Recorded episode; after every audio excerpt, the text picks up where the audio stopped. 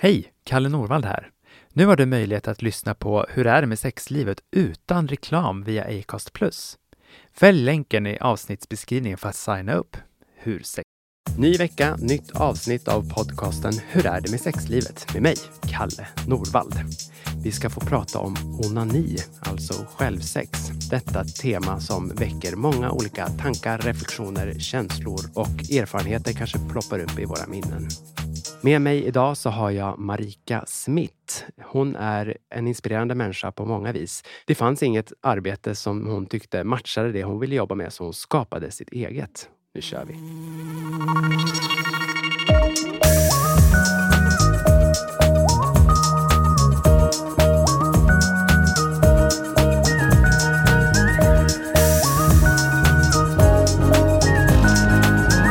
Hur är det med sexlivet med Kalle Ever catch yourself eating the same flavorless dinner three days in a row? Dreaming of something better? Well, HelloFresh is your guilt-free dream come true, baby. It's me, Gigi Palmer. Let's wake up those taste buds with hot, juicy pecan-crusted chicken or garlic butter shrimp scampi. Mm. Hello Fresh. Stop dreaming of all the delicious possibilities and dig in at HelloFresh.com. Let's get this dinner party started. Hey there, it's Michelle Norris. I'm host of a podcast called Your Mama's Kitchen. When I travel, I'm usually looking for a way to find a taste of home when I'm not at home. And one of the things I love to do when I am at home is entertain. And Airbnb allows me to do that. When I was in California recently, I rented a house that had a great kitchen. And when we were sitting around the table, we're all thinking, we're in someone else's house. Someone could be in all of our homes as well. If you have a home, but you're not always at home, you have an Airbnb. Your home might be worth more than you think. Find out how much at airbnb.com/slash host. One size fits all seems like a good idea for clothes until you try them on. Same goes for healthcare. That's why United Healthcare offers flexible, budget friendly coverage for medical, vision, dental, and more. Learn more at uh1.com. Norvald. Marika Smith, Ja, du är sexinspiratör. det är jag. Ensam med den titeln i Sverige, världen, Ja, universum. eh, jag hoppas... Nej, det hoppas jag inte. Jag vill att fler ska inspirera. Men jag, jag tror, om man googlar på det så är det bara jag som kommer upp. Mm. Så på svenska så är det bara jag i alla fall. Ja, så Google säger ja. Google säger ja, då Ja. är det sant. All, allt som finns på nätet är sant. Precis. Eller snarare, finns man inte på nätet är man inte sann. Ja, får man skylla sig fin- själv. Vad djupt det blev på en gång. Ja. Eh, men vad, vad gör du som sexinspiratör? Ja, jag är ju inte sexolog som du och allt annat du är förstås. Utan jag bestämde mig tidigt i livet att jag ville jobba med sex för det kändes rätt för mig och det, var, det funkade väldigt bra när jag försökte. Men jag riktar in mig på det positiva kring sex, det konkreta. Men också det, det låter väldigt högtravande, men mer filosofiska. Hur sexualitet och existentiella frågor och tankar och, och, och livet och så vidare hänger ihop. Så jag jobbar både med det väldigt konkreta, hur runkar man en kuk? Typ Ja. för de som känner sig osäkra på det. Så att de sen känner sig säkra på det och där fick jag fokusera på vad gör sexualiteten mig till för typ av människa? Vad vill jag att sex ska fylla för funktioner i mitt liv? Hur kommunicerar jag till en partner? Hur vet jag om vi är sexuellt kompatibla? Hur kan sex koppla samman mig med andra människor på ett filosofiskt plan? Alltså allt Ja. det här andra Wow. vill jag ska liksom finnas utrymme för. Så därför jobbar jag också med superkonkreta grejer. Precis. Om jag skulle vilja gå och ett samtal hos dig, Mm. hur, skulle, hur går ett sånt samtal till?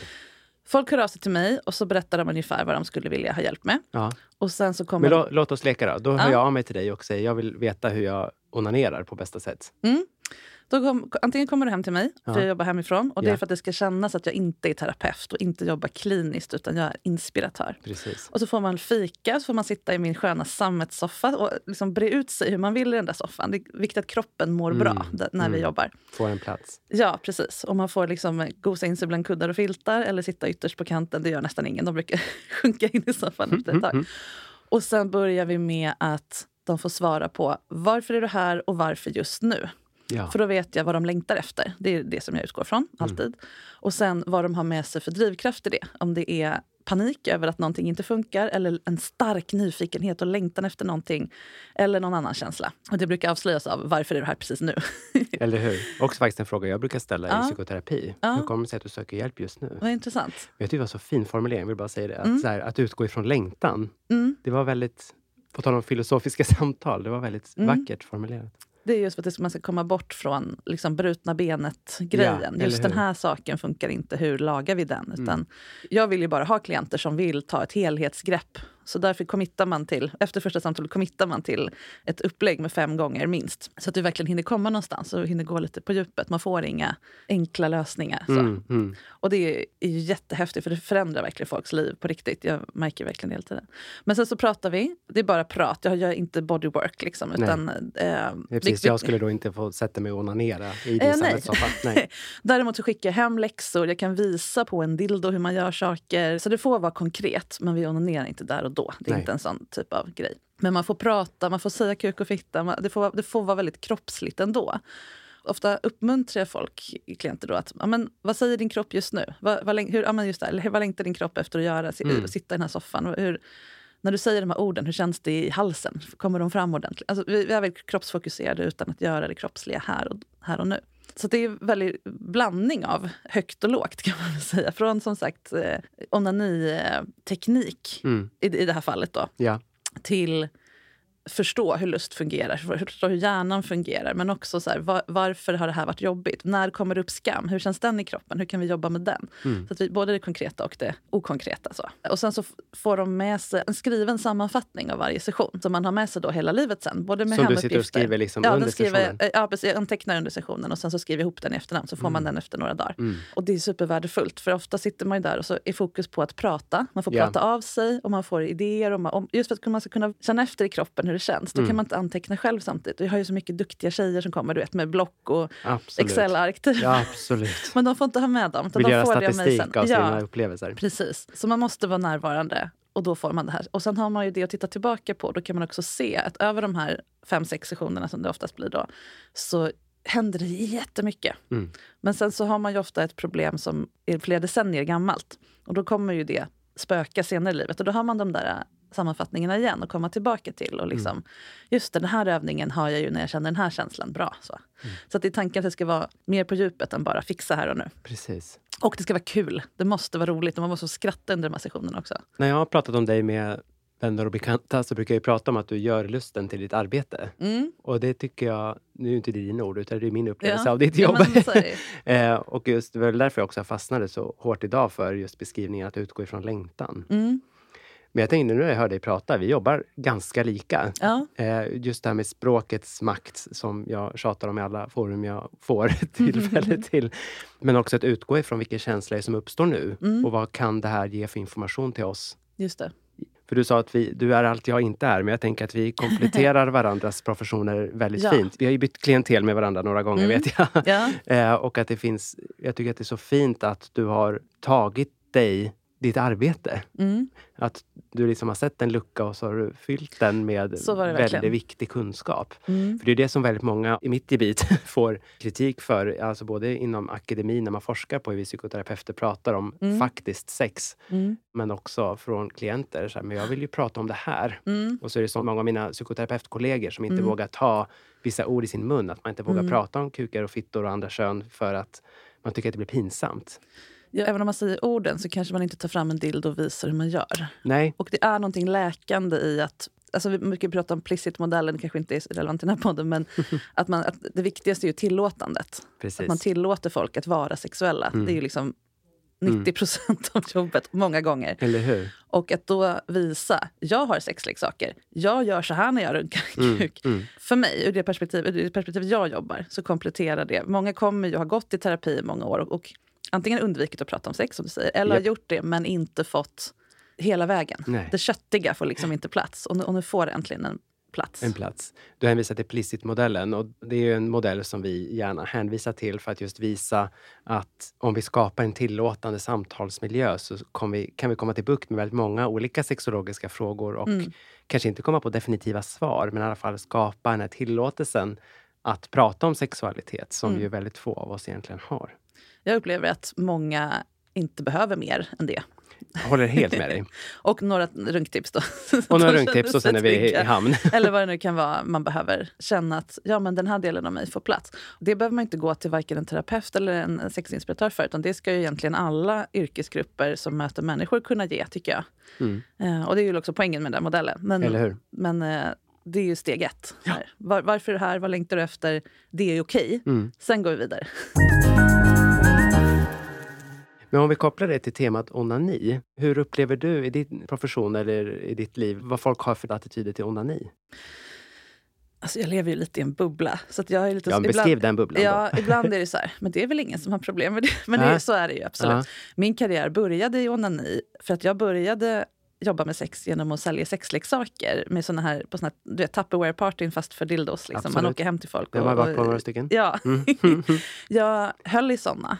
Och jag, när jag var 19 när jag började med det. Och sålde svinmycket direkt, mer än alla andra på företaget. För att jag inte pratade om dildos, utan Mm. om sex Ja. och onani och orgasm och hur, var man ska lägga den där dildon. Hur, vilken ska vara inuti, vilken del ska vara utanpå? Hur känns det? Hur funkar det med klitoris? De här tjejgängen då som satt där och åt kladdkaka och drack vin. Och ja. De var så wow! Mm. Äntligen någon som också tillåter att vi pratar om sex utifrån lustperspektiv. Inte så gnälla på Åkes snea kuk. Utan, utan att det är härligt. Och då, SDQ kan i och för sig göra susen ibland också. Absolut. Ja, men precis. Då fick de tips på hur de kan... Ja. Ja. men om du böjer dig ditåt så... Mm, mm, mm. och just det här konkreta är så förlösande också för samtalet och känslan av att saker är tillåtet. Så tog de väl hem den energin till Åkes. Eller hur? Det finns också Ehm, andra Så det var mansnamn. där jag, ja, absolut.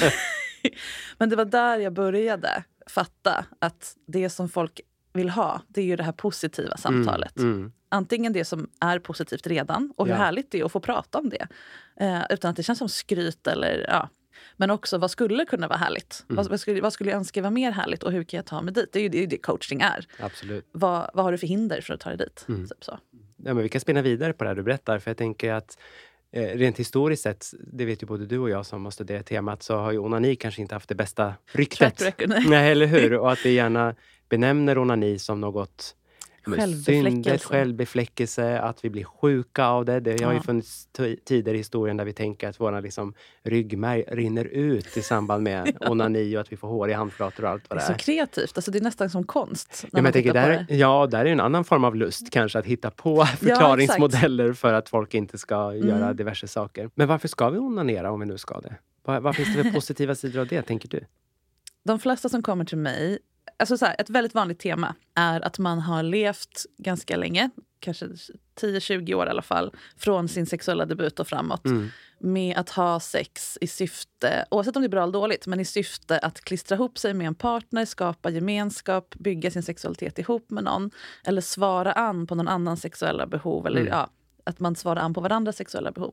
Det är väldigt många som inte har förstått, ser jag på dem när de väl får det av mig, att sexualiteten börjar i individen. Mm. Att det är individens egen sexuella trädgård eller ryggsäck eller karta eller vad man nu vill ha för metafor för det, Mm. som avgör allt om hur det blir tillsammans med en partner. Ja. Och det är den man kan påverka själv. Mm. Och folk har inte tänkt så. De tänker att man är ett, ett oskrivet blad tills man träffar någon och sen så skapar man någonting tillsammans. Och gör man Precis. slut, då är det borta. Då måste man börja om med Ja, nästa då är det person. kontroll allt elit. Liksom. Ja, Mm. och... Där har vi eh, en till likhet med våra arbetssätt. Ja. Jag brukar ju använda, jag älskar ju klyschor, Ja, kär min värld. jag säger metaforer. Ja, okej, och jag säger klyschor. Eh, men att sex börjar alltid med sig själv. Mm. Att det finns en fördel med att liksom, just när Mm. man arbetar med sexualiteten i relation till någon annan, att faktiskt börja med sig själv. För då kan man ta ansvar för sig själv. Mm. Man kan förstå sin egen sexuella historia. Vi brukar göra mindmaps, vi gör tidslinjer, vi gör alla möjliga grejer för att förstå vad har jag varit med Precis. om? Och vad har jag med mig hemifrån? Vad har mina föräldrar planterat för frön i min Mm. trädgård? Och, och Du är, du är mer inte? terapeut än vad du tror. Ja, men det blir ju så. Men, men, vi, men vi börjar, jag kan också slänga fram ja, tio leksaker på bordet. Och det är också Ja. så himla bra, för då Mm, kan man mm. prata utifrån dem.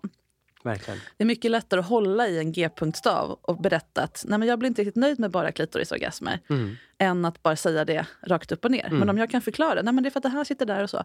Eh, så onani är en jättebra grej att prata om just för att det är så konkret. Jag hatar ju när folk säger, men utforska din egen kropp. Hur då? Ja. Jag förbjuder mig själv att säga just sådana klyschiga saker Ja. utan att ge ett konkret Precis. exempel. Ja. Så jag hoppas jag får göra det här i din podd. Ja, såklart. såklart. För jag tänker att det är viktigt. Jag som då älskar klyschor och så kan jag då... Det får man ju rannsaka sig själv varje dag, tänker jag. Mm. Framförallt du och jag som uttalar oss ganska ofta i media om de här Mm. temana. Att här, när man använder formuleringar som att utforska din kropp så kommer det också med ett ansvar att förklara, precis som du är inne på. Mm. Vad innebär det? Ja, var kan innebär man börja? Det, vart Mm. kan man börja? Mm. Eh, och jag tänker att utforska sin kropp, ja det är ju toppen. Men det, Mm. i det sexuella sammanhanget måste man ju vara lite mer konkret kanske. För Mm. människor har inte så hög fantasi som man ibland kan tro. Nej. Jag har ju ibland kollegor till oss säga, nej men om man berättar hur, då Mm. låser man fast folk i de tankarna. Eller så blir det väldigt heteronormativt eller könsnormativt. Mm. Fast folk behöver... Ja. Argument, argumentet just som du säger, att man behöver börja någonstans, Mm. vinner. Mm. Ligg på rygg, eh, fallet om med fittbärare. Lägg handen på fittan, känn hur den känns. Ja, men många ligger på mage, men de kommer fatta det när de har fått någonting att börja med.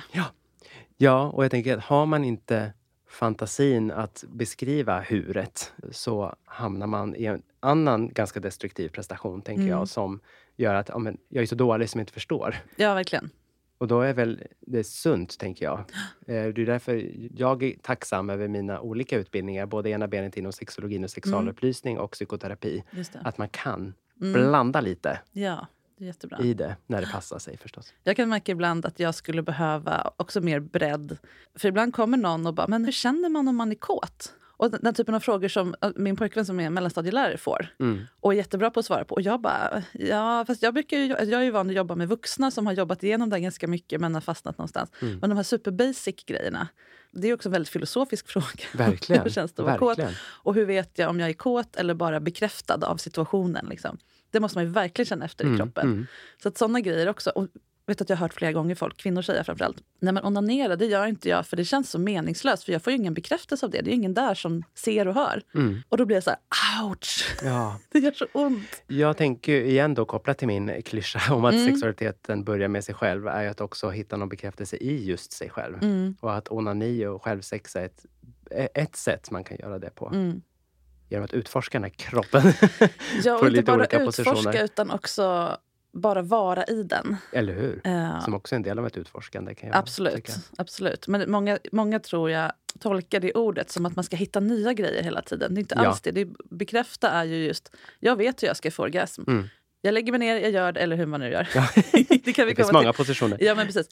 Jag bara gör det jag brukar göra. Ja. Att det är lika mycket att vattna den här trädgården Mm, som att mm. nu ska jag prova den här leksaken och hitta min livmoderhalsorgasm. Jag kan bli väldigt trött på de här långa listorna med saker man ska hitta och utforska också. Ja, och man pratar om alla olika orgasmer och vilken är det som Ja. är bäst. Mm, Som att det skulle vara en färdig lista som är lika för alla. Mm. Nej, dels lika för alla och dels överhuvudtaget det här samla in eh, Pokémons. Liksom. Orgasmer. Pokémons, synonymt. Ja, men det- det blir ju en, gamification av sex. Ja, Eftersom vi är så vana vid att tänka så eh, Mm. i samhället i allmänhet. Och Mm. det kan jag tycka är tråkigt. Men då måste man ju erbjuda ett alternativ. Mm. Eller, har jag börjat göra nu, försöka lura. Jag har mycket duktiga flickor, tjejer Mm. och ja, så här, folk som har en poängräknande hjärna, en dopaminorienterad hjärna. Man kan inte bara be dem sluta med det, för det är inte fint nog för Nej. sex. Liksom. Du måste Mm. ha det fina sexet som går utanför prestation. Och, nej, då lurar man dem istället och hittar sätt att... Bam! Där hittade jag en, en härlig känsla. mm, Poäng för det. Mm. Istället för nu fick jag fontänorgasmen eller nu det här. så. precis. Själva prestationen tar över upplevelsen. Ja, vi alla är förgiftade av det här tänket. På så många plan. Ja. Alltså inte bara kopplat till sexualitet utan Mm. arbetslivet, hushållsarbete. Mm. Och det måste man ha respekt för, tänker Mm, jag. mm. På samma sätt som jag kan ha, nu har inte det med om ni kanske gör med så mycket, men jo, lite par kommer och så är det en kvinna och en man och så han bara, men sla, slappna av lite, du kan, det gör väl ingenting om det är smulor, vi går och ligger istället. Men nej, men du måste ha respekt för att det är inte så. Mm, mm. Eh, har man en hjärna som har lärt sig att du förtjänar inte njutning förrän du har varit duktig, Nej, torka bort dig själv istället. precis. Sen kan man ju Sen träna kanske. ner, ja men precis, sen kan man ju mjuka upp det där förstås. Men jag kan bli Såklart. lite irriterad när folk, inklusive våra kollegor, bara Mm. var lite skön. Så här, nej, Ja. det funkar inte så. Det, våra hjärnor kommer sätta stopp Ja, men vi är ju ett resultat av både liksom samhället och historien. Så Ja. det är klart att Ja. det kan komma att ställa till det, inte bara i relation till andra utan också i relationen till sig själv. Mm. Att vara lite skön från en Mm. dag till en annan, vad det nu innebär, Ja. kan ju vara en utmaning. Liksom. Ja, särskilt när man blir så belönad för att man, jag som kvinna i det här samhället, hela tiden är till för andra, fixar, Mm, mm. donar, har kontroll, är uppstyr upp. Ja. Och män kan unna sig att chilla lite mer. Men chillar du med? Ja, fast du, blir inte, du får inte liksom en, en yxa i huvudet mentalt Mm. av att inte känna dig duktig. Nej, och att man kanske då på ett generellt plan också som man kan chilla av en anledning. Ja, för men att det är någon precis, som kommer för och städar annan upp fixar det där smulorna. Ja, men Ja. Precis. Eller så bryr man sig inte. Ja. Eller så bryr ja. man sig inte, för Ja. att man inte har lärt sig. Ja. Och det här är ju också ett sätt att göra onani till någonting väldigt subversivt. Ja. Ja, det handlar inte om kvinnligt och manligt, det handlar om de, de personer som är extra mycket fast i det här Ja. duktighetssystemet. Human giver syndrome, brukar du använda det begreppet? Eller är du bekant med det i alla fall? Eh, Ja, det jag är bekant med. Jag Ja. brukar inte använda det på det sättet, Mm. men att någon som är mer aktiverande. Ja, att vi, ja, att vi, framförallt kvinnor men även an, andra, Mm. vi blir så belönade av att ge av oss själva hela Mm. tiden. Och det är ju de som kommer då som sagt. Och, ja, exakt. Vi som, som jag. vi, som, vi som jobbar med att hjälpa andra Ja. fastnar lätt i det. Jag har fått kämpa mycket med det. Inte Mm. just den här duktighetsgrejen, för jag har ju obviously inte följt duktighetslinjen och skaffat alla utbildningar och poäng och så vidare. Ja, eller så har Men på du andra sätt. skapat din egen skala, Ja, ja men precis. vilket är otroligt inspirerande. Jag har kanske lidit mer av att Eh, det kanske är någon som är intresserad av det. Att jag har lidit mer av att känna så här, jag vill inte ha barn, Mm. jag vill inte plugga i 20 år för Nej. att få superkompetensen som ingen kan liksom trumfa. Mm. Då måste jag leverera hela tiden. Då Mm. måste jag göra folk lyckliga hela För tiden. För att, ja, för Ja. att förtjäna min plats på jorden ungefär. Det har Mm. jag fått jobba med. Mm, mm. Så vi har alla de här grejerna. Eh, och att onanera då, trots att man inte blir bekräftad och inte i syfte att bli en bättre människa eller Nej. utvecklas. För många kommer säga åh jag vill utforska min kropp för att kunna berätta för min partner vad jag vill. Nej men skit i det. Mm. Utan bara för att det är härligt här och nu. Det är ganska revolutionerande tanke. Och där tycker jag att, jag, som sagt, jag började i den kommersiella delen. Eller ja, jag jobbar ju fortfarande för pengar, men, men säljer sexleksaker. Och där tycker jag faktiskt att den branschen har hjälpt till jättemycket. Att göra om sexleksaker till någonting som ska så här, ja men det här är min reservkuk när min man är bortrest, den här Mm. dildon. Mm. Till att bli en self-care-produkt. Ja. Som ja, faktiskt apotek har- till och med har börjat sälja dem på... Ja, det finns mycket större liksom, eh, meningsskapande Mm. kring sexleksaker idag. Och de har ju gjort det möjligt att prata om onani och att, nj- att njutning är till för oss och hur Mm. våra kroppar är gjorda. Alltså både män och kvinnor, men, men att det inte handlar om ersättning för samlag. Mm. Utan på ett mycket häftigare, mer eh, fantasifullt sätt. Ja. Jag träffar ju en hel del personer i mitt jobb som har ett problematiskt förhållande till onani. Att det Mm. liksom blir, utvecklas till en tvångsmässighet. Ja. Nu är det liksom andra sidan skalan så att Mm. säga. Eh, hur tänker du kring ifall det finns vissa stunder, perioder, kontexter där man kanske inte bör onanera? När skulle det vara? Ja, nej, men jag som sagt, vet det är ju, det är, så här, jag är ju väldigt noga med att om folk har en problematik kring något, då skickar jag dem vidare till en terapeut. Mm. Jag jobbar ju inte med folk som har obearbetade trauman eller tvångsmässighet eller så. De behöver riktig terapi, riktig behöver annan hjälp. annan hjälp. Ja, du ger Och- riktig hjälp. Ja, absolut. Mm. De behöver hjälp med den biten, Ja. separat från det vi gör. Men de får fortsätta komma till mig. För Det är jätteviktigt att få ha det här glädje, mer lustfyllda perspektivet. Toppen. Att man inte måste vänta tills man är färdigbehandlad. Liksom kommit från minus 10 till noll och Mm. sen komma till mig. Mm. Jag jobbar ju på den skalan, men den kan vara samtidigt. Man kan både prata om vad man skulle vilja och vad som är härligt och så. Och deala med sin skit någon Ja, annanstans. precis. Så. Men om man ska se, ja, inte just i klientfallet då, utan mer i allmänhet så märker man ju om någon är lite för fokuserad på sex därför att de lägger andra behov i sexburken än de som kanske de egentligen skulle vilja hörde hemma där. Mm. Så det är en fråga jag ställer till par som kommer, som har olika mycket lust, vilket är väldigt vanligt. Mm. Men också folk som inte riktigt är bekväma, eller liksom, antingen för lite eller för mycket lust. Vilka funktioner fyller sex för dig? Både onani och annan, andra sexuella uttryck. Mm. Ofta kommer de ju fem vanligaste. Ja, men det är närhet, ja, men det är avslappning, ja, men det är njutning. Ja. Ja, men sen då? Ja, men det, oj, all min känsla av att bli älskad ligger tydligen i sex. ja, precis. Och så får jag inte det. Då kommer jag nästan garanterat ut, utveckla en, en weird inställning till onani också. Mm, För mm, det, är ju mm. inte den. Gå i hand i hand. Ja. Mm. Och när folk pratar ah, men min kille är onaniberoende eller porrberoende. Nej, det är han inte. Han, man gör ju det, för, och det här behöver jag inte berätta om för dig, men för lyssnarna kanske. Att man gör ju saker för att avleda sig själv från ångest eller Precis. andra jobbiga känslor. Och då tänker jag så här, utifrån frågan, när ska man inte onanera? Om man inte vet varför man onanerar eller inte kan svara på frågan om man ställer sig den, då kanske man ska fundera på vad är det jag använder det här beteendet eller den här grejen för? Är, är jag schysst mot min sexualitet när jag onanerar för att fly från en känsla Mm. eller för att Precis. hantera ångest så? Hur färgar det av sig på resten av min, av Ja. min möjlighet till att vara sunt sexuell eller Ja. njutningsfullt sexuell? Ja. Och svaret är ju nästan alltid att det är en dålig idé att göra sex till slasktratt liksom, för annat. Eller hur? Som en strategi. Alltså vi människor håller ju på med så kallade försvar som vi terapeuter Ja. ju gärna pratar om. Eh, att man då kanske använder onani i just det här dåliga eller destruktiva syftet att just hålla ångesten eller det jobbiga Ja. på distans. Och då är det lättare liksom att ta till bokstavligen Ja. handen för att, eller en leksak eh, för att inte behöva känna efter på Ja. det. Man äh, trumfar det med Ja. dopaminutsöndringen. Mm. Men vad är skillnaden då mellan försvar och coping? Coping är inte ett försvar, Ja. eh, kan det ju, man se det som. Men coping, alltså vi, vi behöver ju också ha de här försvaren och copingstrategierna. alltså, Ja, men det jag menar, av- vad är ett dåligt försvar? Eller, eller, eller avledande Ja. försvar? Och vad är bara så här, det här är mitt sätt att hantera att det blir så här. Vissa av de här sakerna är jättesmarta på kort sikt. Mm. Eh, för att klara av en dag, klara Mm. av en vecka, klara av en jättestressig period. Ja. Men på lång sikt så kan det bli Okej. destruktivt. Mm. Att om jag hela tiden bara ägnar mig åt onani då, i det här fallet för att inte behöva deala med bokföringen Mm.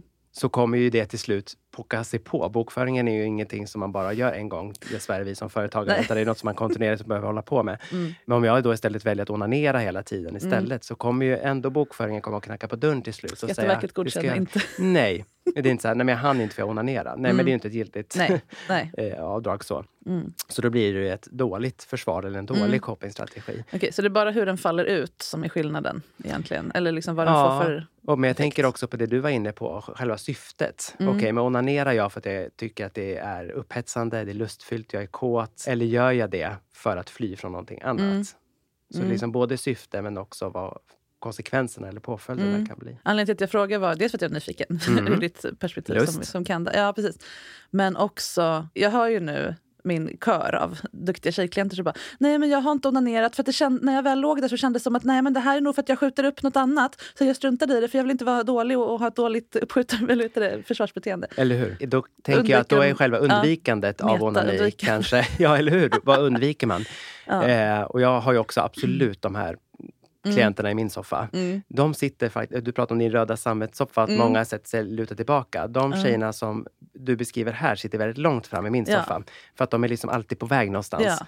Och då har man svårt att ta sig tiden att lägga sig ner på rygg eller på mage och onanera och ta Ja. sig på könet. För att man just tänker någon annanstans. Mm. Eh, att man tänker på bokföringen då kanske. Då blir det ett undvikande att man inte tar sig tiden för sig själv att utforska sig själv. Mm. Eh, för att då går tid förlorat för någonting annat. Ja men precis. Så man får ha lite tungan rätt i mun i det här helt enkelt. Ja, Eh. och nyfiket utforska vad är Ja. det jag håller på med. Ja, och det är det som är så svårt. Alltså jag har ju folk som, kvinnor som sitter och alltså de, nästan som att de får heroinabstinens. De är beroende av duktighetskänslan. Absolut, prestationsdelen. Ja, nu skulle jag kunna sortera barnens sockor istället Ja. för att onanera. Ja. Och så springer de och gör det och då, ah, då får de sin lilla fix. Mm, mm. Ja, men det är det här duktiga flicka-syndromet på något Mm. vis. Eh, och det finns ju av alla Ja, könsidentiteter absolut. förstås. Eh, en av dem sitter ju i den fåtöljen och talar just nu. Mm. Eh, så det behöver man ju göra upp med. Vi alla har ju olika försvar och behöver dem, som jag Mm. tidigare sa, för att klara av saker och ting. Men Ja. ibland tar det liksom för stor plats och också över tid som Mm. gör att det snarare skapar andra problem. Ja. Och då behöver man jobba med det försvaret. För mig nog också onani personligen så var det väldigt tydligt, är det väldigt tydligt för mig att jag fick chans att utforska det jättelänge. Jag började onanera tidigt. Jag upptäckte att så, Åh, här var det härligt och så var det ingen som sa emot så att jag fortsatte köra. Och så gjorde jag det kanske tio år innan jag började relatera sexuellt till andra människor Mm. med kroppen. Mm. Så jag fick jättelång tid på mig att just utforska. Men det var ju Mm. verkligen också bara utforska blandat med bekräfta. Ja. Och det här tycker jag också är så här, jag märker så tydligt på folk som aldrig har varit sin egen sexuella minsta enhet. Två är den minsta enheten kring sex. Mm. För mig är det så självklart att det är jag. Mm. Jag går in i ett sexuellt möte och sen kan vi smälta ihop fullständigt och det, det kan vara verkligen jättehäftigt. Men när vi särar oss igen så är det jag. Mm. Och det är inte ångestladdat för There's never been a faster or easier way to start your weight loss journey than with PlushCare. PlushCare accepts most insurance plans and gives you online access to board-certified physicians who can prescribe FDA-approved weight loss medications like Wigovi and Zepbound for those who qualify. Take charge of your health and speak with a board-certified physician about a weight loss plan that's right for you. Get started today at plushcare.com slash weight loss. That's plushcare.com slash weight loss. plushcare.com slash weight loss. Hold up. What was that? Boring. No flavor. That was as bad as those leftovers you ate all week. Kiki Palmer here, and it's time to say hello to something fresh and guilt-free. Hello Fresh. Jazz up dinner with pecan-crusted chicken or garlic butter shrimp scampi. Now that's music to my mouth. Hello Fresh. Let's get this dinner party started. Discover all the delicious possibilities at hellofresh.com. Life is full of awesome what ifs, and some not so much, like unexpected medical costs. That's why United Healthcare provides Health Protector Guard fixed indemnity insurance plans to supplement your primary plan and help manage out of pocket costs. Learn more at uh1.com. Nu syns ju inte det här i podcast kom jag på. Jag gav dig precis två tummar upp. Ja. Det är också ytterligare ett steg i det här. Vi Mm. pratar om det här med att göra sin sexuella debut. Det Ja. som tidigare kallades för att man förlorar oskulden. Mm. Men när man gör sin sexuella debut så hänvisar vi ju när en annan person också är med i rummet. Mm. Man pratar inte så ofta om sin sexuella debut med sig själv. Nej, och det tycker jag är synd. Och Mm. Ofta minns man ju inte kanske första gången man onanerar för man, går ju ofta in, man fattar ju oftast inte riktigt vad det är. kanske. För mig var det verkligen så. Men här känns det skönare än när jag bara vanligtvis pillar. Så. Och sen gjorde jag det någon gång och så bara, nej, alltså mitt huvud kommer ju sprängas om jag fortsätter med det. Så Ja. slutade jag direkt. Mm. Och det här har jag ju ofta. Men jag vågar inte få orgasm. För Nej, så. Får jag migrän? Men Mm. efter två dagar var jag ju där igen. Ja. Och det är det som är skillnaden. Jag hade inte någon skuld, eller det här, jag var ju kanske fem år sedan. Ja. Mm. Jag hade inte någon idé om att det här var dåligt då. ja. Och därför kunde jag bejaka den nyfikenheten. Mm. Och det är den jag också vill väcka i folk nu. Med att ha kurser, med att ha, Precis. visa på videos. Alltså så att det ska liksom trigga den här, jaha, kan man göra så? Nyfikna lusten. Ja, istället för att det ska bli ett psykologiskt projekt. Ja, för nu när du ändå går in på dina kurser, Mm. vart hittar man dem om man är nyfiken på dem? Ja, eh, min hemsida, där hittar man allt om mig. Och hemsidan är? Sexinspiration.se. Yes. Du har ju också en podd, så vi är poddkompisar. Mm. Sex på riktigt med Sex Marika på Smith. riktigt. Där coachar jag någon då Mm. varje vecka om någonting som rör sex. Grejen med den är inte bara att ha ytterligare en kanal för det jag gör. Det är inte jag som ger en massa råd, utan Mm. det är just att man ska få lyssna på andras äkta, riktiga, oregisserade nästan oklippta samtal Mm. om sex. Med någon som råkar vara jag, men som inte är terapeut och så vidare, utan Mm. just en peer på många nivåer, Mm. även om jag också kan mycket så. Ja. Ehm, och jäklar vad folk reagerar på att få höra andra. Att det inte bara är en expert som intervjuar en annan expert Precis. eller så. Utan så här, ja, men det här hade kunnat vara jag. Eller så där hade jag en partner som var och nu Mm. fattar jag hur jobbigt det var för honom. Så himla härlig Mm. grej. Och jag tycker din podcast är bra på så sätt också. Jag som är skolad i psykoterapi. Mm. Att det är också inspirerande att lyssna på någon som inte är psykoterapeut för att också mjuka upp, nu är inte jag en så här stiff person, men Mm. att ändå så kunna mjuka upp vissa formuleringar och så. Mm. Så jag brukar rekommendera din podd också när jag är ute och föreläser för blivande terapeuter. Ja. Just för att hitta ett ganska kravlöst och eh, avslappnat sätt att prata om de här sakerna. Mm. Att det inte behöver fint. vara så värst jobbigt alla gånger om man övar på det. Och där är du ett Mm. gott exempel, tänker jag. Sen kan ju inte heller allting vara evidensbaserat kring sex. Så är det ju Nej, så jag i gillar ju, samtalet. nej, och jag gillar ju att hänvisa till forskning. Mm, Men, men. Eh, det finns ju alltid tillfällen där man inte behöver vara där. Mm. Utan att ibland så är individen man har framför sig faktiskt viktigare än alla forskningsartiklar och rapporter jag har Ja. i min bokhylla. Eller vad jag har varit där. med om. Och det kanske inte är, funkar i terapi på samma sätt. Men jag har ju inga problem att dela med mig av mina egna erfarenheter. Mm. Eller det här möter jag många som känner eller tycker till klienter. Och det är också jättebekräftande. Mm. Att till och med du som är expert får kämpa med det här. Åh, vad skönt! Eller hur? Inom psykoterapi kan man ju prata om något som heter self-disclosure. Alltså att man Mm. också delar med sig av något. Sen går Just inte det. jag och berättar om alla mina barndomstrauman. Nej. Utan att, det tror jag inte att du heller gör, men att man ändå kan dela med sig. Men vet du, så här, jag och min partner har också gått i parterapi. Mm. Eh, att bara för att man är psykoterapeut och sexolog betyder Mm. inte att jag har en toppenrelation alla dagar i veckan eller har toppen sex varje gång. Nej. Nej, och då precis. märker man att många sänker sina axlar och det blir lite mer avslappnat. Vi nämnde ju tidigare dina kurser på din hemsida, sexinspiration.se, Mm. eh, där du bland annat har kurser om just onani. Ja, det är då onlinekurser i videoformat. Så Ja. man köper kurser och sen tittar man hemma när man vill, anonymt och så vidare. Och det tror jag är bra. Att eh, kunna ta i sin egen takt och så. Och jag skapade en onanikurs för kvinnor, eller ja, fittbärare då, men eftersom de också baseras på forskning på kvinnohjärnor så heter den Henne. Och jag tänkte så här, men behövs det verkligen? Jag har ju så mycket andra kurser om fittan och så. Och Ja. den säljer så bra. Vad Folk är bra. så liksom... eh, Ja, men jag vill komma igång. Det finns ju jättemånga som aldrig har onanerat därför att de missade det tåget lite kanske i tonåren. Just för att det var så här, men sex är ju till för andra och det, Mm. man hade inte riktigt koll. Och nu när man är vuxen så känns det lite så här, man har, har inte den vanan. Och då är det jättebra att bli guidad steg för steg. Den är väldigt steg för steg byggd. Mm, mm. Preppa hemma så här, köp in det här, stäng av de här maskinerna i hemmet. Eh, Det skulle ta lång tid att stänga av alla maskiner i Ja, mitt hem, okej. kan meddela, som bor med en tekniknörd. alla som kan störa just eh, i det här sammanhanget. Nej, men vad man behöver, just prioritera utrymme och tid och liksom Ja. så. Och sen hur man faktiskt gör, hur man Mm. börjar, hur man tar på sig själv. Börja i den här ställningen. Känner att du skulle ligga på mage, ja men vänd på dig, testa Mm. det. Kan du ge ett exempel? Ja, att orgasm det är ju att man har tillräckligt hög fysisk stimulans, tillräckligt hög mental stimulans och tillräckligt låg stress. Det är Mm. liksom de tre grundfaktorerna för, för att få orgasm. Och det behöver absolut inte vara syftet med onani, men man kan ändå tänka i de termerna. Vad behöver jag ha runt mig för att dämpa stressen? Jag vet att ingen kommer in i rummet, jag är ensam hemma och så. Jag vet att, jag, att det inte kommer ringa. Vad behöver jag för att bli tillräckligt mentalt upphetsad? Behöver jag lyssna på en erotisk novell? Behöver jag titta på en porrfilm? Eller behöver jag bara vara i ett mode jag kan fantisera? Stor del av kursen är släppa fram fantasier. Jag träffar så många som inte tror att de sexfantiserar. Som tror att då Jag måste med. man ha en jätteavancerad grej. Men nej, så här, Precis. tänka på sex. Tänk på ett härligt sex man hade en gång. Ja, då är man på där. hud, till Precis. exempel. Vad som helst som är visualiserar. Och sen det fysiska då. Ja, nu har jag ju hållit kursen då för eh, folk med fitta. Mm. Att börja med att bara lokalisera delarna Ja, såklart. absolut. Och sen vad händer om jag... Det är eh, så många som inte tycker att det är ett så klart steg. Ja, absolut. Ja, precis. Men man måste verkligen, här, jag blev verkligen utmanad att go Ja. Mm. basic i det här. Och bes- fick beskriva någonting jag har gjort sedan jag var ja, mindre än tio år. Ja. fram till nu. Men till exempel då att man kan stimulera klitoris mycket längre om man stimulerar den genom klitorishuvan än om man rör direkt på den. Det Mm. har många aldrig tänkt på. Eller att glidmedel hör hemma i, även i onani. Det är inte för att underlätta penetration utan det är ju för att det ska bli härligare beröring. Precis. Att ta glidmedel på fingrarna direkt, inte, inte hålla på och ha det jobbigt i väntan på att man ska bli våt. Så att sådana basic grejer. Och sen glömma vad man har sett på porrfilm.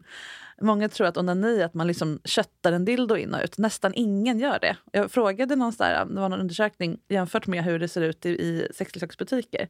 Om det var 90% av fittbärare då. Mm. Även om de har en dildo stoppar de aldrig in den. Utan de lägger den bara mot klitoris. Fast den är gjord för det. För att det är härligare att köpa någonting i affären som ser så stort och grönt och ut Eller med en hur? eh, kanin på. Väldigt exotifierande. Men, sen blir, ja, precis, men så Mm. blir det aldrig av att man stoppar in det i alla fall. Så de flesta använder bara fingrarna på klitoris eller en vibrator på klitoris. Och att det inte är fusk att använda vibrator, det tror många fortfarande på något sätt. Att det är liksom, nej, men då kan jag inte komma på riktigt. Eller, ja. Jag tycker att det är en jättestor vits att varva. Att både ha leksak och testa med den. För den, det är som, jag brukar säga att det är som att hoppa på studsmatta. Mm. Man kommer liksom högre och det känns mer så här, wii i magen. men det är liksom inte fusk, det är bara en, det är en leksak. Ja, Det är vad en leksak ja. gör. Men att också ha kontakt med sina egna fingrar Mm. och veta att man kan hitta finliret Precis. liksom, med dem. För då känns det ju på två ställen, både Ja. i fittan och i fingrarna. Precis. Och fingrarna har ju också väldigt tunn hud och är känslig mot Ja. beröring också. Så kan man Precis. utföra. Och då, vet man, då får man mer kontroll. Ja, men det, på den sidan är det lite känsligare än på den sidan. Man vet var man är på ett annat sätt. Mm, mm, Det här är det som är utforskande. verkligen. Att testa lite olika grejer och se vad som funkar. Men också göra det man vet Mm. funkar. Jag ser det som att man, man bygger upp ett nytt lager på en, en, en rejäl, stabilt bygge. Mm. Muren liksom. Så att ens grundmurade känsla av att jag kan alltid ge mig själv orgasm. Eller njutning eller avslappning, vad det nu är man, som är syftet. Ja, vad man är ute efter. Jag är självförsörjande på det här. Allt jag får av en partner är bonus. Ja. Det ger den här känslan som jag pratade om förut, som jag fick med mig. Att det här är min sexualitet, välkommen att vara med. Mm, Men jag är boss här. mm. Har du några bra kuktips? Så jag tänker att igen, alltså rent sexualfysiologiskt, kroppmässigt så är vi ju likadana. Mm. Eh, men att uh, genitalierna, om vi nu ska könsorgansfokus, Mm. så är ju de utvecklade på olika sätt. Men det är samma komponenter så att Mm. säga. Nervändarna i en klitoris är ju mycket mer koncentrerade och fler i jämförelse med ett ollon då till exempel.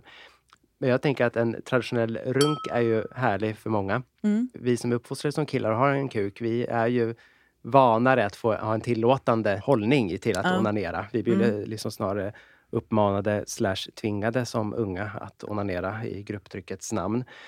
Men jag tänker att utforskandet här påminner mycket av det som du ger tips nu här kopplat till de som har klitoris, brukar Mm. jag också göra för de som har ett ollon. Mm. Att med fingertopparna just gå runt ollonet och känna Mm. vart kan det kännas mer? Just det. Och är man eh, omskuren eller inte har någon förhud så kan ju ollonet vara lite mer i behov av lite annan stimulans Mm. jämfört med någon som har förhud.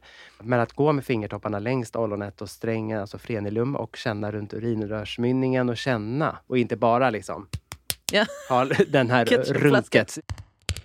Runket. Ja, men Ja. ketchupflaskan-metoden. Eh, utan att ta fram finpenslarna. Ja. Och sen kanske om man är sugen på att vidga vyerna ännu Mm. mer kopplat till vår kropp, för vi är ju faktiskt mer än en kuk, hör och häpna. Mm. Att också känna på kroppen på övriga ställen och andra så kallade erogena zoner, Mm. alltså områden på kroppen som är känsliga för beröring. Eh, bröstvårtorna är för många eh, killar, om vi ska generalisera, känsliga fast man inte te- ofta tänker på det. Klappa sig själv på halsen och jag menar Mm. analen är också ett del på Mm. kroppen som är jättekänslig för beröring med mycket nervändar. Och på Mm. samma sätt som du pratar om att man inte behöver penetrera fittan, behöver man inte Mm. penetrera analen. Nej. Utan att bara ha ett finger där på och kanske långsamt Mm. röra. Det kan man ju göra oavsett om man har en fitta eller en kuk. Ja. Eller lägga en vibrator där på låg, mullrig. Liksom. Ja. Brrr, så. Ja, men jag tänker att det finns en anledning varför många killar, om generaliserar igen då, får erektion i samband med att de fått sin första moppe. Ja. För att det då skakar härligt Ja. liksom upp i bäckenet. Och så det. där är ju också analen en del Mm. av och att man kan få erektion av det och så förstår man inte riktigt varför det är så Mm. skönt att köra moppe.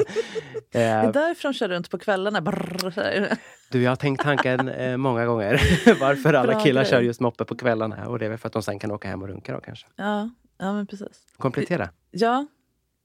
Jag tänker det här med utforska, som sagt. Och som du säger, de flesta killar vet ju hur man gör. De Mm. har liksom en teknik som de har använt sedan de var 13. Och då, då blir det också så gärna att, att det är fokus på att så snabbt som möjligt få orgasm. Precis. Därför att mamma kan komma in i rummet och ja, den stress man hade då liksom, i pojkrummet Mm. har man ju inte kanske längre när man Nej. är vuxen. Nej. Det är som att onanitekniken för många män är gjord för att maximera funktionen, eller vad man ska säga. Det ska Ja, maximera sannolikheten att få en utlösning. Ja, Mm. det är inte så mycket njutning i stunden. Nej. Inte så mycket sinnlighet. Nej. Så. Och jag möter många kvinnor som har samma sak. Mm. nej, men jag vet hur jag ska göra Precis. fort och snabbt. Och hurra för womanizer, nu går det dubbelt så snabbt. Ja, liksom. alltså lufttrycksvibrator. ja, men, ja. Det tror jag många män skulle, eller förlåt, kukbärare. För mig blir det ofta att jag säger man därför att det, könet hör ihop med hur vi är uppfostrade. Så är man uppfostrad till som man och har en penis Mm.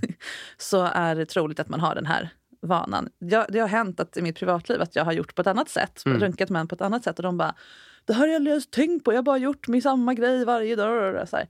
Och lärt dem runka fast de har liksom levt på jorden i decennier. Ja, ja. Och det behöver inte vara någon supergrej, bara att man testar en ny variant. Ja. Också så här vanlig grej. Det här känns jättekonstigt, ja för att du är ovan. Det är som borsta tänderna om man är högerhänt och gör Ja. med vänsterhanden. Att inte döma ut en ny variant bara för att man är ovan. Nej, alltså, vi är ju trygghetsnarkomaner generellt sett, Ja. så även i onani-sammanhang. Ja, och just när man då så här, jag får onanera om jag är effektiv som fan, för det är för att jag ska slappna av eller sova eller någonting. Mm. Och så gör man någonting som gör en väldigt medveten om vad man gör. Då kan ju det väcka skam i sig.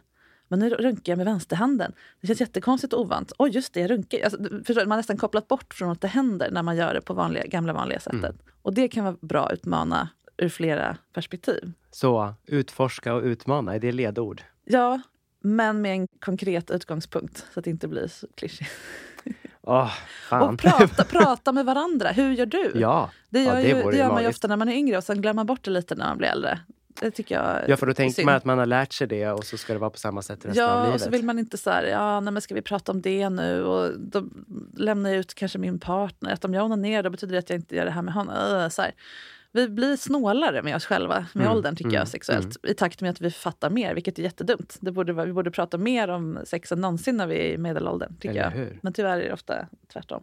Men, men jo, jo, jag återkommer till det här med sexleksaker. Det har ju verkligen förändrats för tjejer. Nu kommer det ju mer grejer för folk med kuk med Mm. de här runkäggen och alla Precis. olika maskiner. Men det är ju bara några år sedan. Mm. Men jag som sagt som har följt den branschen i 20 år Men när jag kom hem kom till de här parterna och visade prylar, då började de ju ge tips och erfarenheter och, och som in, var bortom då det här hu, hu, Åke. Ja, alltså att killarna började dela med sig? Nej, tjejerna. Jaha, på de ja. här dildoparterna. Att när de höll i, som sagt, i en g-punktstav, då Mm. kunde de börja prata om, ja men för är mig med. är det så här Mm, och så mm, här. Det materiella, att hålla i en pryl hjälper Mm. jättemycket. Så att, att gå Det till en blir leksaksaffär, konkretare. att gå till affären och klämma på grejer istället för att beställa på nätet öppnar så mycket mer idéer. Mm, Liksom. mm. Vill man ta tag i onani så man måste inte ha en sexleksak, men det hjälper tanken Mm. att hålla i en pryl. Det upplever jag. Och kolla in dina kurser tänker jag låter Ja, bra. det kan man ju börja med. Om man inte behöver bli coachad i onani, för det Mm. kanske känns lite overkill i början. Så har jag, ja men som sagt, onanikurs. Solosex heter den. Och då in- involverar det ju onanitekniken med fingrarna och leksaker jättemycket. Men också jättemycket just hur får jag igång min fantasi? Mm. Hur hittar jag erotik, porr då, eller ja, erotiskt material som Ja. känns schysst men som jag också tänder på? Ja. Bara det är en jättestor fråga, en, ett stort hinder på väg mot Mm. onanin. Mm. För många tror att det bara är en fysisk sak och så ligger de och tänker på middagen och så blir det aldrig någonting. Precis. Man måste involvera hela systemet. Så ett helhetsgrepp på ensam sex helt enkelt. Det var väl en kalasbra sammanfattning, Marika Yes. Smith, sexinspiratör. Tusen tack att du kom hit. Tack så mycket. Planning for your next trip? Elevate your travel style with Quince. Quince has all the jet setting essentials you'll want for your next getaway, like European linen, premium luggage options, buttery soft Italian leather bags, and so much more. And is all priced at 50 to 80% less than similar brands.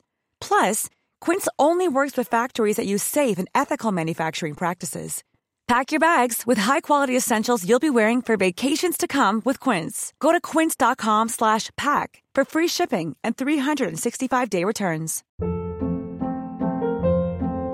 Hold up. What was that? Boring. No flavor. That was as bad as those leftovers you ate all week. Kiki Palmer here, and it's time to say hello to something fresh and guilt-free. Hello Fresh. Jazz up dinner with pecan-crusted chicken or garlic butter shrimp scampi. Now that's music to my mouth. Hello Fresh. Let's get this dinner party started. Discover all the delicious possibilities at hellofresh.com. Planning for your next trip? Elevate your travel style with Quince. Quince has all the jet setting essentials you'll want for your next getaway, like European linen, premium luggage options, buttery soft Italian leather bags, and so much more. And is all priced at 50 to 80% less than similar brands. Plus, Quince only works with factories that use safe and ethical manufacturing practices. Pack your bags with high-quality essentials you'll be wearing for vacations to come with Quince. Go to quince.com slash pack for free shipping and 365-day returns. Nu kommer en lyssnarfråga. Inläsaren är inte personen som skrivit frågan. Jag har problem när det kommer till normer.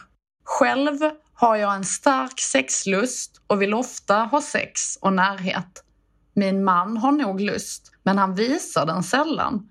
Det vill säga, han tar sällan initiativ, han säger ofta nej när jag vill och känner en stor press och prestationsångest gällande sex.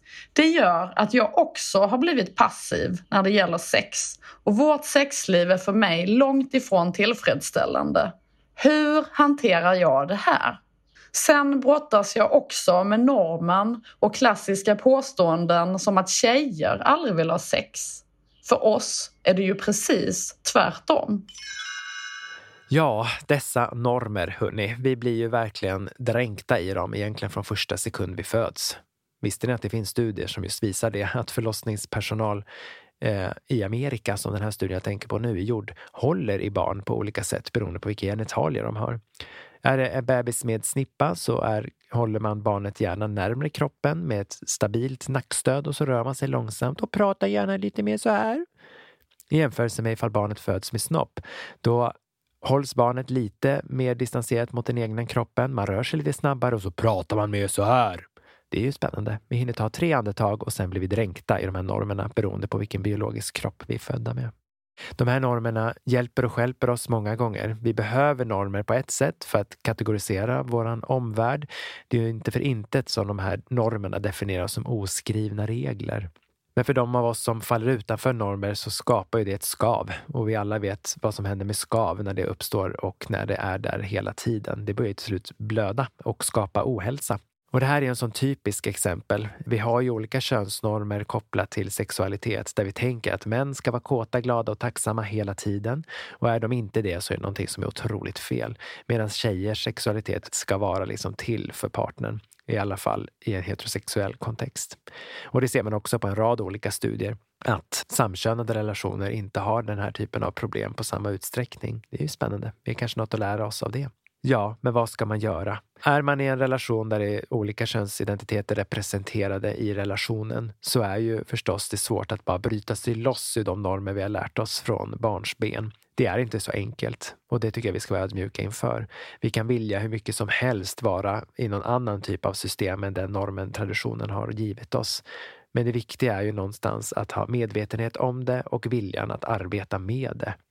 Jag tänker på din fråga också, det här med att brottas med normer kopplat till det här klassiska påståendet att tjejer aldrig vill ligga. Jag har träffat många under åren som på något sätt får någon skuld och skamreaktion på att de som kvinnor går omkring och är kåta eh, och tänker att det är någonting som är fel på dem.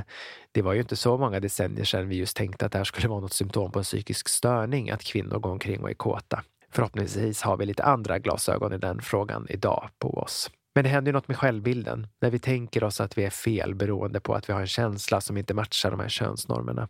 Men jag skulle vilja vända på steken. Det är faktiskt inte dig eller oss det är fel på, utan samhället det är fel på. Att det är inte den personen som går med den här känslan som har fel, utan att det är just samhället som har byggt upp det här normativa systemet som inte hjälper oss. Så om det går, säga fuck the system och gå omkring och vara kåt och också leva ut det själv. Har man en partner som inte har samma sexlust som sig själv så kan man alltid bokstavligen ta det i egen hand och onanera. Men det är ju ofta intimitet och närhet som man också kanske kan längta efter. Men så när det kommer till normer och påverkar oss, ja, det kommer vara en resa för oss alla som vill skapa vår egen väg. Men det går. Det finns det många goda exempel på och kanske kan du vara ett ytterligare ett sådant exempel i vårt bibliotek. Lycka till! Du har hört podcasten Hur är det med sexlivet med Kalle Norvald. Ta hand om er allihopa så hörs vi igen nästa vecka. Hej då!